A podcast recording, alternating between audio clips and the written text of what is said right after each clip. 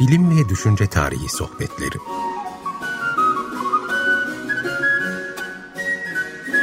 Hazırlayan ve sunanlar Derya Gürses Tarbak ve Doğan Çetinkaya.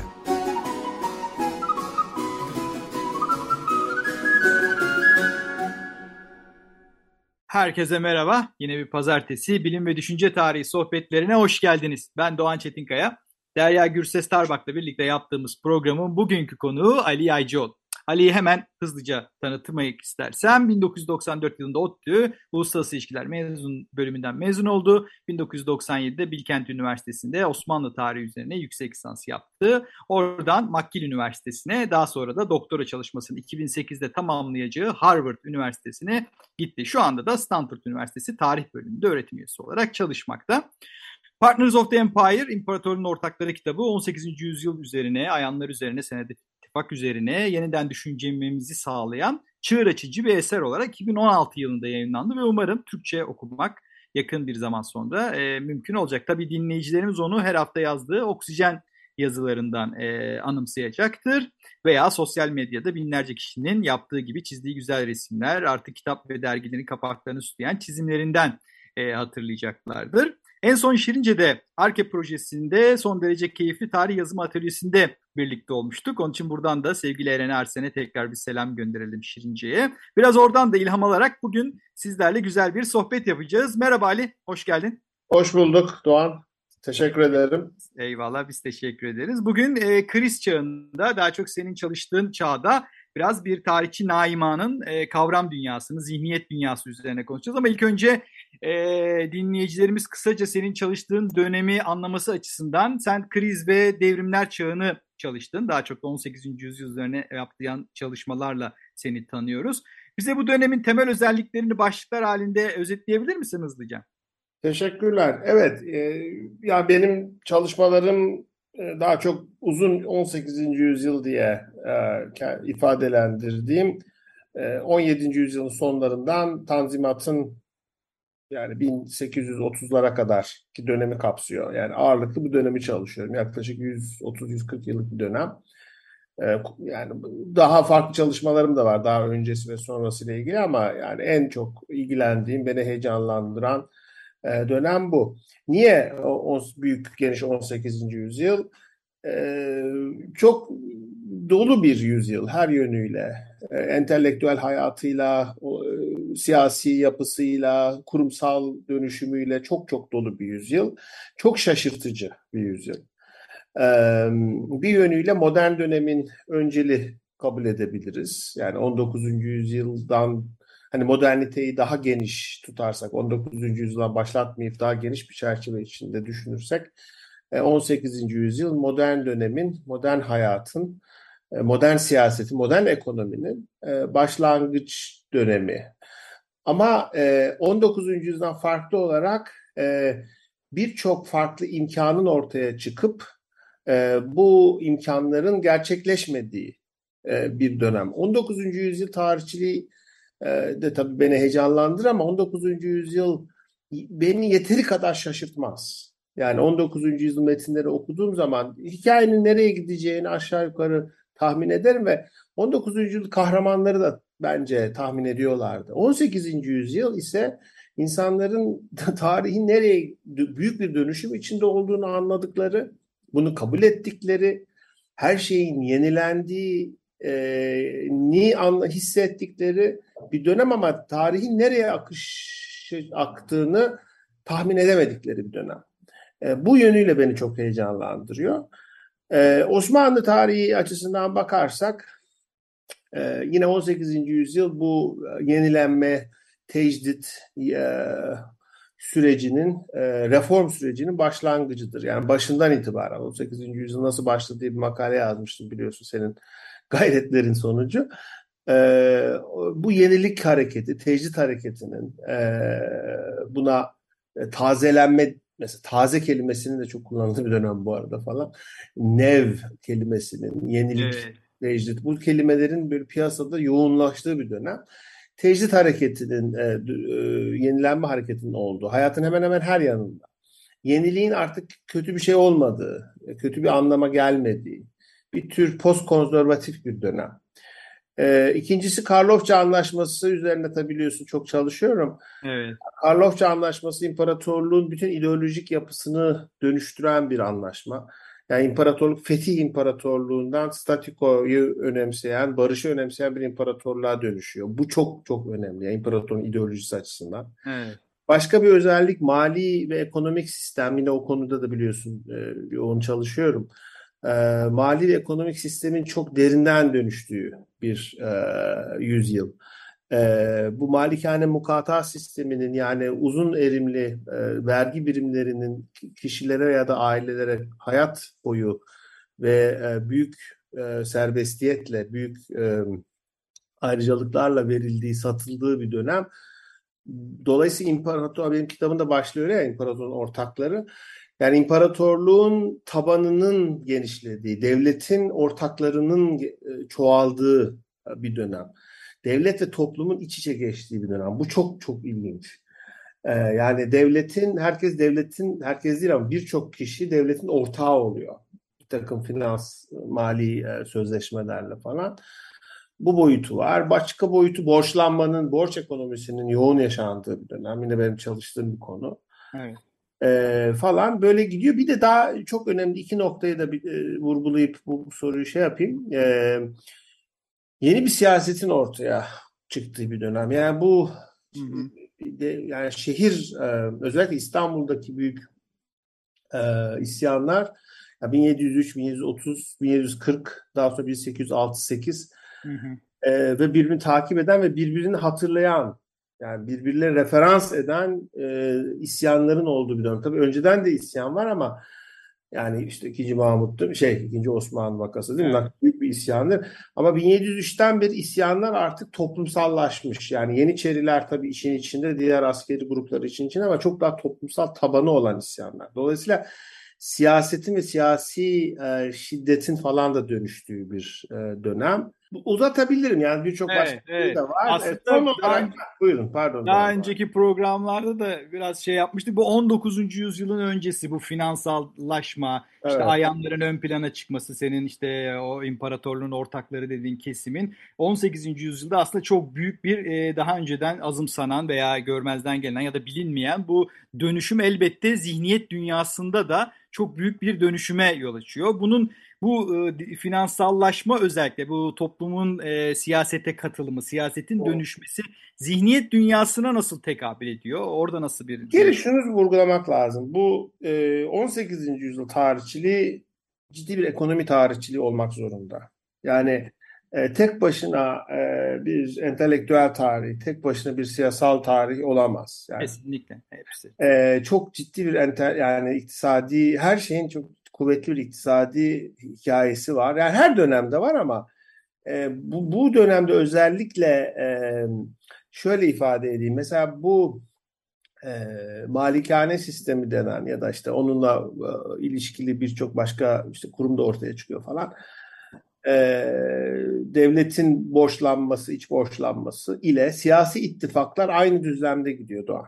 Hı hı. Hani malikane sistemi içinde kurulan ortaklıklar, Orada işte kurulan bir şirkete benzeyen e, işte farklı e, borç e, zincirleri dediğim benim yapılar ile siyasi ittifaklara bakıyorsun örtüşüyorlar.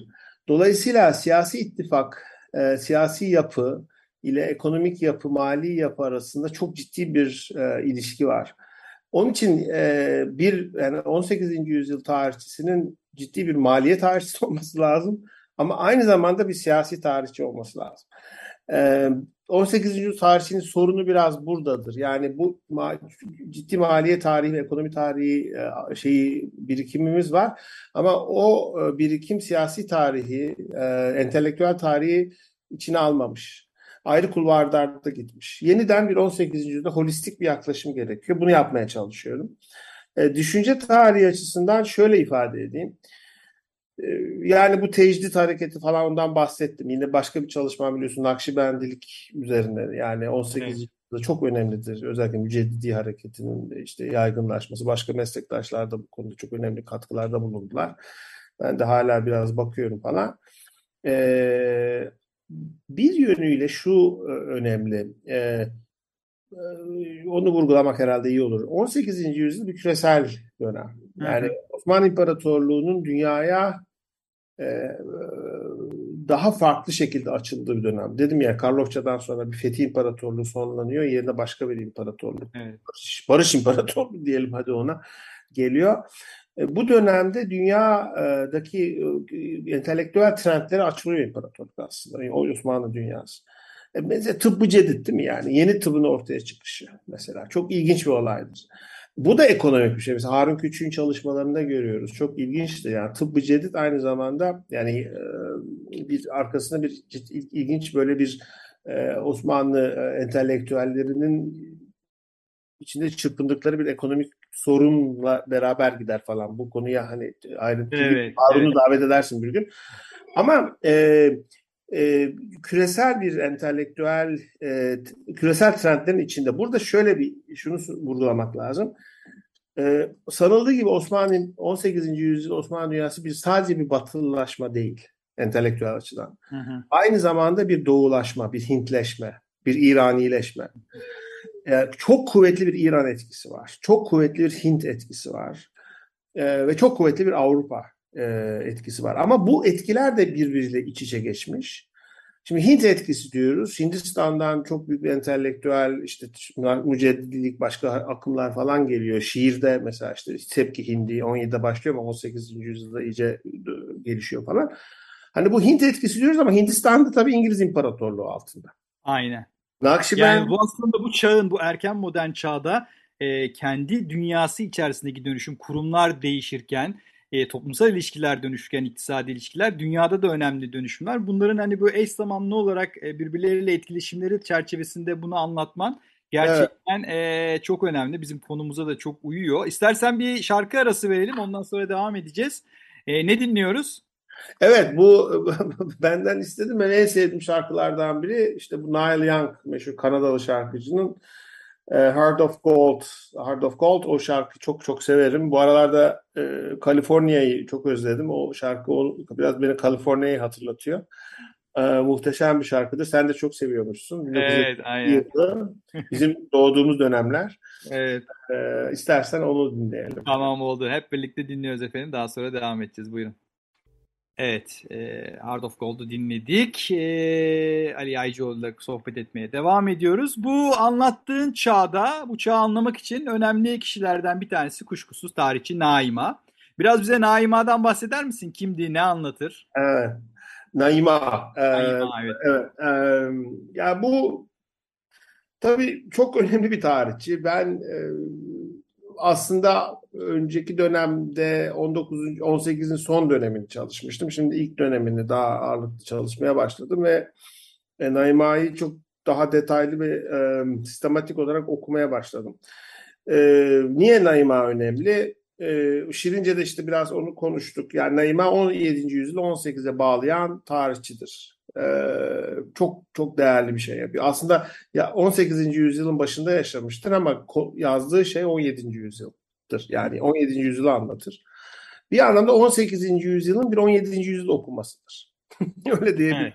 Mesela 18. yüzyıl e, bu kadar eğer radikal bir e, dönüşüm Karlofça sonrası varsa ve işte malikane mukata falan dedik işte bu mali dönüşüm reformlar falan bir 18. yüzyılın e, entelektüeli geçmişe nasıl bakar sorusunu soruyorum. Ee, bir 18. yüzyılın 17. yüzyıl okuması ne olabilir?